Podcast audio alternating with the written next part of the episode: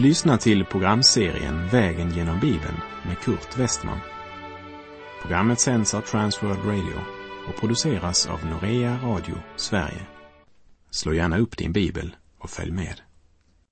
Huvudtemat i Jeremia kapitel 27 är profetian om det babyloniska oket.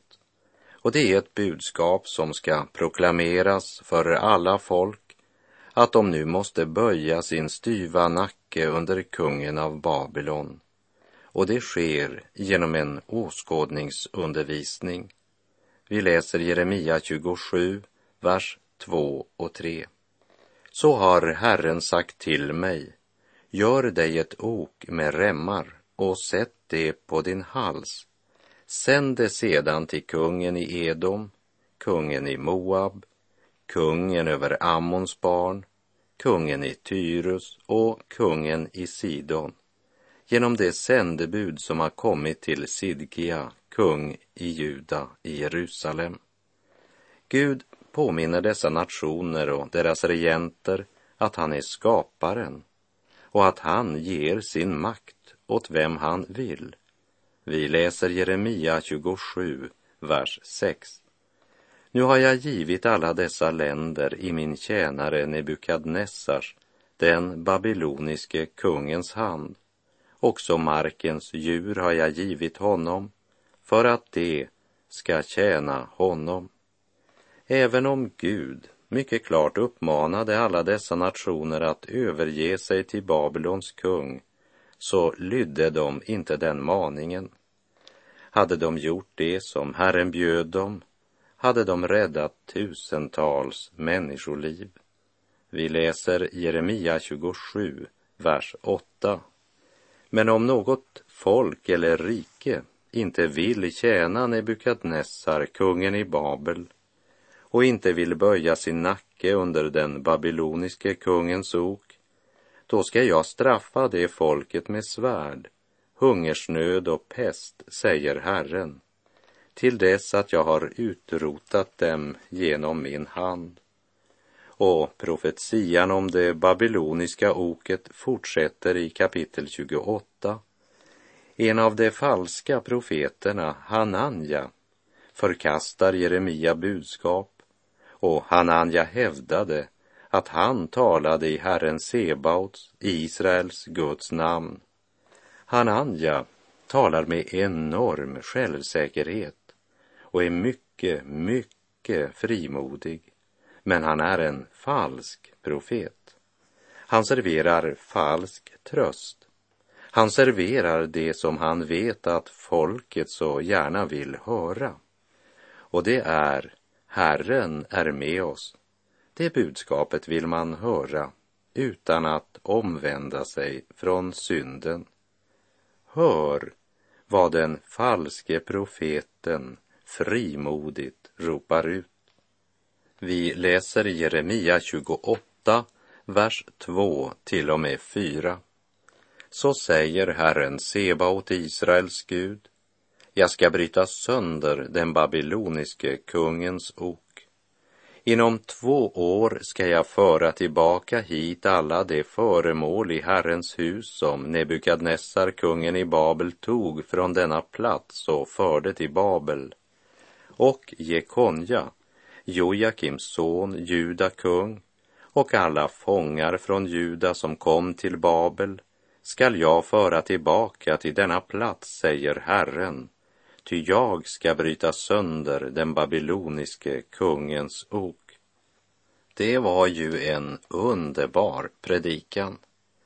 Men det var inte ett budskap från Gud. Det var ett budskap från Hananja eget hjärta buret av vältalighet och en imponerande ämbetsdräkt. Vi läser Jeremia 28, vers 5 till och med 9. Men profeten Jeremia svarade profeten Hananja inför prästerna och allt det folk som stod i Herrens hus. Profeten Jeremia sade, Amen, må Herren uppfylla det ord som du har profeterat och från Babel föra tillbaka de föremål som fanns i Herrens hus, liksom alla fångarna. Men hör då vad jag vill säga dig och allt folket. Gamla tiders profeter, det som har varit före mig och dig, har profeterat om krig, olycka och pest mot många länder och mot stora riken. Men om den profet som profeterar välgång verkligen är sänd av Herren, det vet man först när hans ord har gått i uppfyllelse. Hananja hade likt Jeremia åberopat sig att tala i Guds namn. Ja, han sa Herren Sebaot, Israels Guds namn. Han stod upp med stor mänsklig auktoritet. Men det imponerade inte på Jeremia. Att Jeremia står inför dem rent bokstavligt bärande ett ok talade starkt till åhörarna och gav hans ord verklig tyngd.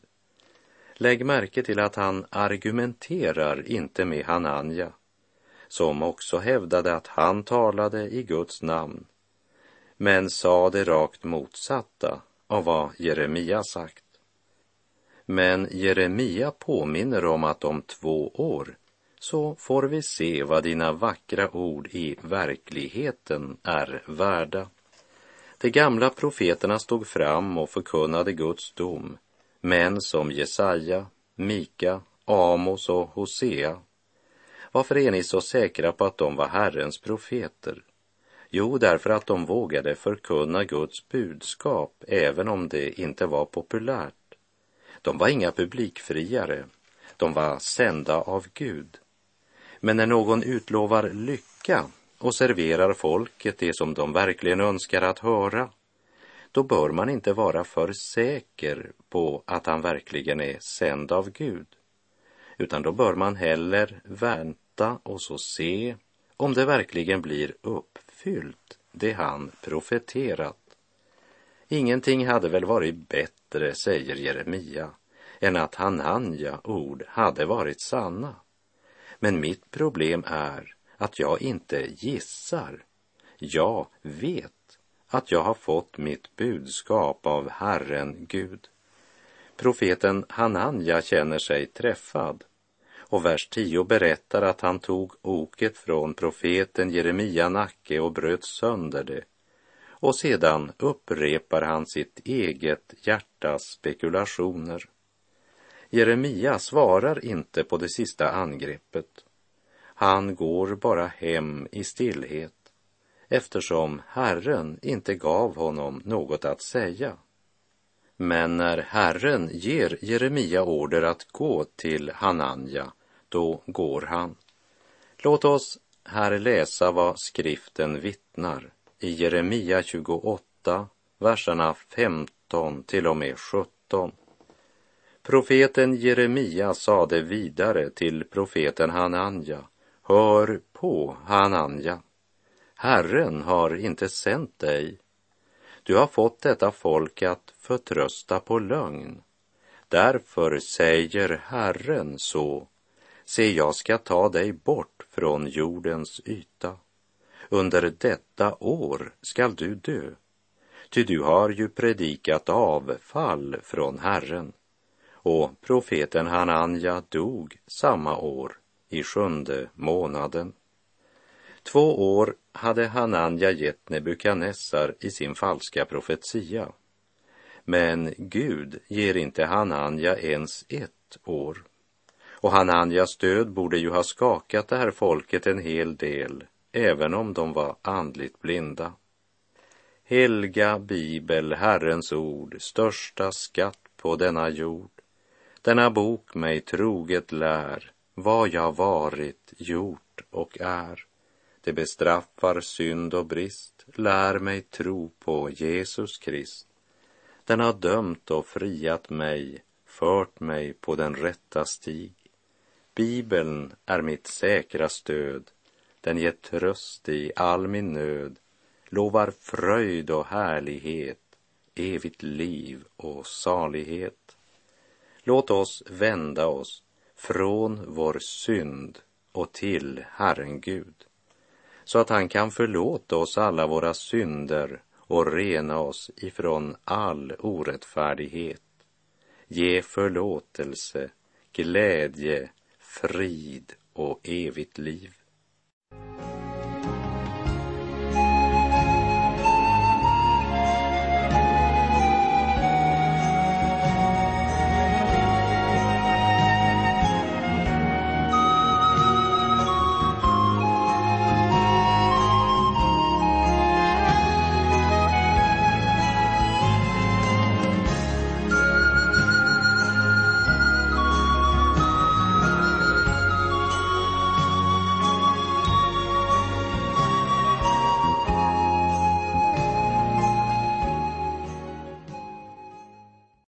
Jeremia 29, verserna 4 till och med 6.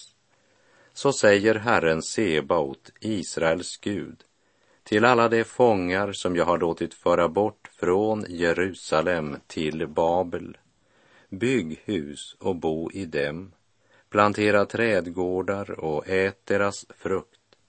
Tag er hustrur åt deras söner och gift bort era döttrar så att de föder söner och döttrar Föröka er där och bli inte färre. De får order att slå sig ner i Babel.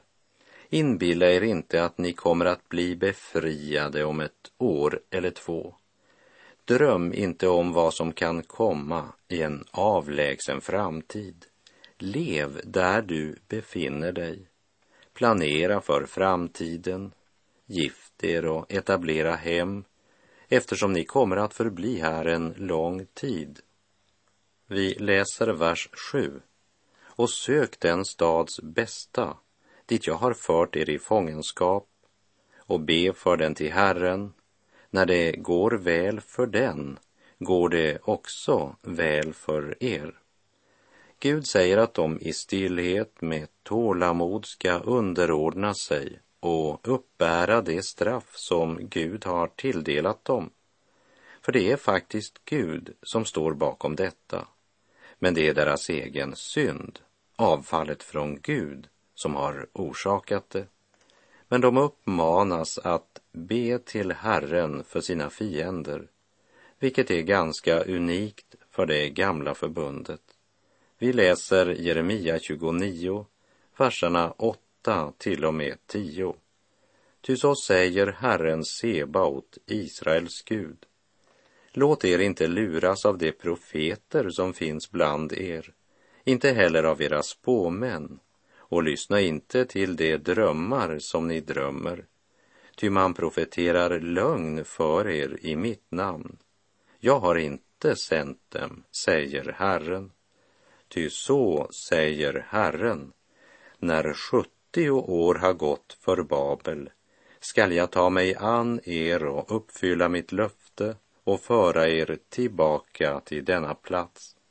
Hade folket glömt sin Gud, sökt sin glädje och lycka i synden, så hade Gud inte glömt sitt folk. Han blev tvingad att låta dem uppbära straffet för sin synd eftersom de inte ville vända om och lyssna till Herrens ord. Men också bakom det svåra som de nu upplever har Gud en god tanke.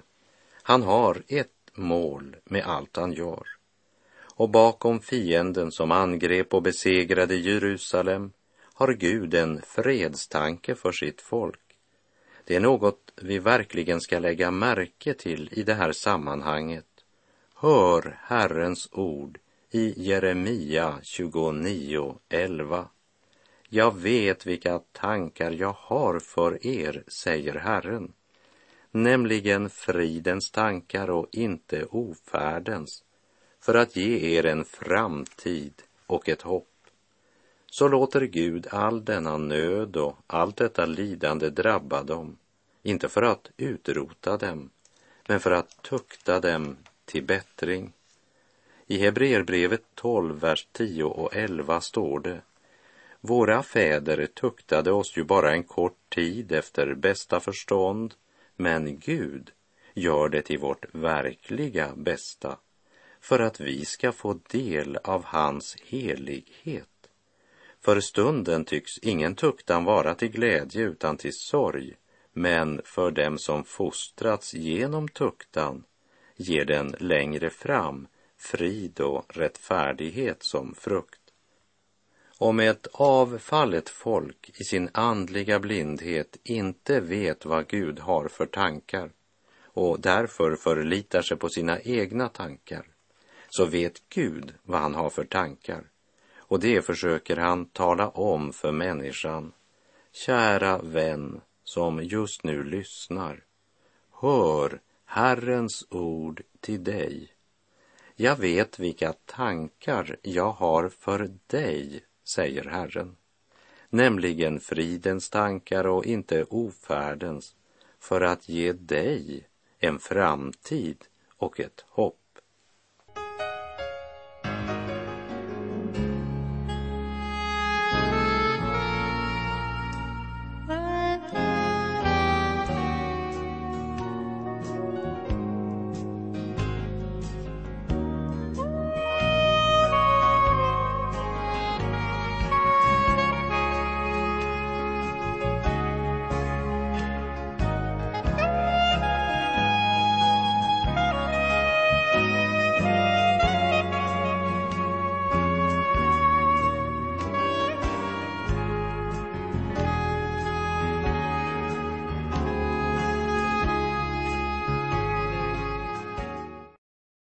Det folk som vandrar i mörkret ska se ett stort ljus. Men så fort Gud tänder ett ljus gör människan allt hon kan för att blåsa ut det igen. Vi läser Jeremia 29, verserna 12 till och med 15. Ni ska kalla på mig och komma och be till mig och jag ska höra er. Ni skall söka mig och ni ska också finna mig om ni söker mig av hela ert hjärta. Ty jag ska låta er finna mig, säger Herren. Jag ska göra slut på er fångenskap och samla er från det folk och alla de orter dit jag har drivit er bort, säger Herren. Jag ska låta er komma tillbaka till den plats från vilken jag förde er bort som fångar. Men ni säger, Herren har låtit profeter uppstå åt oss i Babel. Guds löfte talar om befrielse, inte bara från fångenskapen i Babel, men om befrielse från syndens träldom och Satans våld. Och trots att Hananja dött, precis som Jeremia hade profeterat, så fortsatte folket att lyssna till de falska profeter som tröstade folket med ett budskap som kom från deras egen inbildning. Lyssna inte på budskapet från Babel. Lyssna till budskapet från Jerusalem. Men de falska profeterna som blev bortförda tillsammans med det övriga folket vägrade att lyssna till Jeremia budskap. Därför skrev de till Jerusalem och hävdade att Herren hade nu utvalt nya präster och att Jeremia borde tystas. Vi läser verserna 27 till och med 32. Varför har du då inte tillrättavisat Jeremia från Anatot som uppträder som profet för er? Där har han kunnat sända bud till oss i Babel och säga, ännu är lång tid kvar. Bygg hus åt er bo i dem och plantera trädgårdar och ätes frukt. Prästen Sefanja läste upp detta brev för profeten Jeremia. Då kom Herrens ord till Jeremia, han sade, sänd bud till alla de fångna och säg, så säger Herren om Nehelamiten Semaja. Semaja har profeterat för er, men jag har inte sänt honom och han har fått er att förtrösta på lögn. Därför säger Herren så, se, jag ska straffa Nehelamiten Semaja och hans efterkommande. Ingen av dem ska få bo ibland detta folk och han ska inte få se det goda som jag vill göra med mitt folk, säger Herren. ty han har predikat avfall från Herren. Gud uttalar en klar och bestämd dom över den falske profeten. På samma sätt som han hade proklamerat för Juda vad som skulle hända dem på grund av deras synd. Gud dömer alltid synden och Gud har inte förändrat sig. Många människor menar att Nya testamentets Gud är annorlunda än Gamla testamentets Gud. Han är samma person. Han har inte alls förändrats. Han har inte blivit gammal och svagsynt. Han har inte lärt något nytt. Han är den samme Gud. Romarbrevet 2, vers 5 säger Genom ditt hårda och obotfärdiga hjärta samlar du på dig vrede till vredens dag när Guds rättvisa dom uppenbaras. Nådens tid betyder inte att Gud ser mellan fingrarna med synden, men det betyder att synden inte straffas direkt. Men om du inte bekänner synden och mottar förlåtelse så möter du ofrånkomligt syndens konsekvens på domens dag. Att leva i synd är så att säga att leva på kredit och du får ditt livs stora överraskning när räkningen kommer. Så gick det för lille Per när han handlade på kredit. Lille Per, han var med en kamrat på butiken. Kamraten gick till en hylla och hämtade en slickepinne och en dime och så gick han bort till handelsman vid kassan, visar vad han hade tagit och så säger han, jag tog det här. Det är okej, okay, sa handelsmannen vid kassan. När de kommer ut så säger Per, du betalade inte. Nej, sa kamraten. Ja, men hur i all världen går det till, sa Per. Jag vet inte helt, sa kamraten som också var åtta år. Men mor har något som kallas konto hos Larssons, vad nu det är. Så när jag köper lördagsgott hämtar jag det bara, visar fram det och så kan jag gå. Utan att betala, sa lille Per. Ja, svarar kamraten. Det var fantastiskt, sa lille Per. Och så springer han hem till mor och säger mamma, mamma, kan inte vi också få konto hos Larssons? Nej, sa mor, jag tror inte det. Vi handlar kontant. Per kunde inte förstå varför mor inte var intresserad av att kunna handla så mycket man ville utan att behöva betala. Det hördes ju jättebra ut. När han träffar kamraten så säger Per, du Lars, hur gick det till att ni fick sån där konto? Ja, det var lätt, svarade Lars. Jag gick bara med besked från mor och frågade om vi kunde få en sån där blå bok på butiken för vår familj och så fick vi det. Oj, var det så lätt, sa lille Per, som nu hade fått en tanke. Han kunde ju säga till handelsman att det var mor som hade sänt honom. Det, det var ju inte sant, men, men det visste ju inte handelsman. Så en tanke och du skördar en handling. Dagen därefter så gick Per nervös in till handelsman Larsson. Eh, god dag Larsson.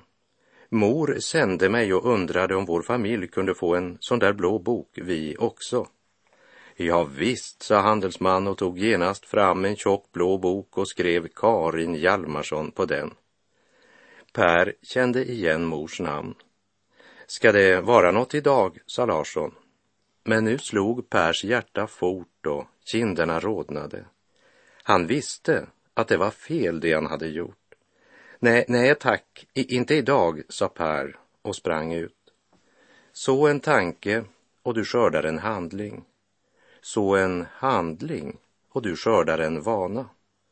Efter några dagar så gick Per till butiken, köpte en slickepinne och gick nervöst fram till kassan.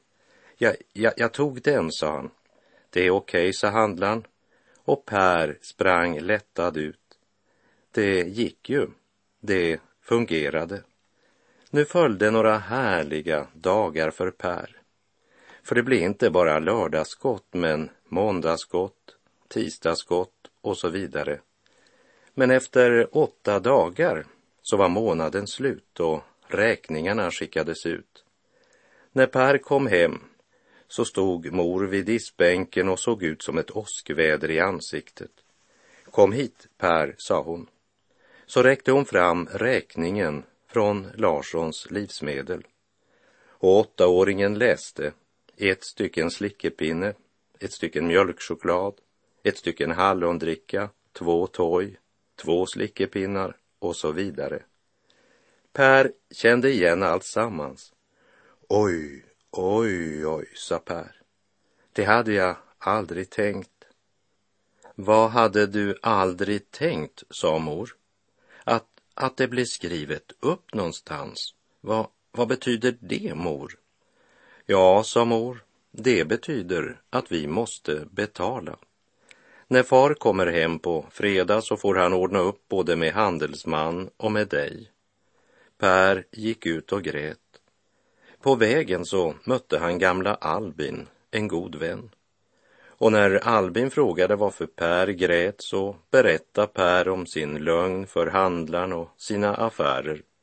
Och jag köpte så mycket, för man behövde ju inte betala. Tvärtom, sa Albin, man betalar lite mer när man lever på kredit.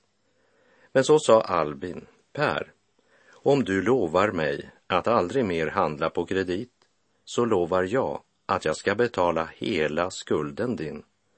Och så gick de tillsammans till handelsman och ordnade upp. När Pers far kom hem på fredag afton så tog han Per med sig och gick till handla Larsson. Och med bister ton sa han, jag har kommit för att betala Pers skuld och så räckte han fram räkningen till Larsson. Larsson tog räkningen och började bläddra i sin perm. Men så rev han räkningen och sa, den är inte giltig så bara glöm den. Inte giltig, sa Pers far. Nej, sa handlaren, för när jag sänder ut räkning så sätter jag alltid en kopia av räkningen här i permen. Men det finns ingen kopia här, så ni har ingen skuld. Far såg på Per och så sa han, så du är oskyldig du? Ja, svarade Per med hög och glad stämma. För Per hade mött någon som var villig att betala hans skuld och Per hade tagit emot erbjudandet, så nu var Per skuldfri. Kära vän som just nu lyssnar, inte använd Guds tålamod, godhet och långmodighet till att samla på dig vrede genom att leva på andlig kredit som det stod i Romarbrevet 2.5. De falska profeterna på Jeremia tid, de levde inte i nådens tid. Därför mötte de straffet tidigare. Men har du syndat, så inte låt dig bedras av Guds långmodighet för att sedan möta den stora överraskningen. Sök Gud medan han låter sig finnas. Och med det så är vår tid ute för den här gången. Herren vare med dig. Må hans välsignelse vila över dig. Gud är god. Du har lyssnat till programserien Vägen genom Bibeln med Kurt Westman som sänds av Transworld Radio. Programserien är producerad av Norea Radio Sverige. Om du önskar mer information om vårt radiomissionsarbete så skriv till Norea Radio Sverige, box 3419 103 68 Stockholm. Adressen är alltså Norea Radio Sverige, box 3419. Postnumret 10368 Stockholm.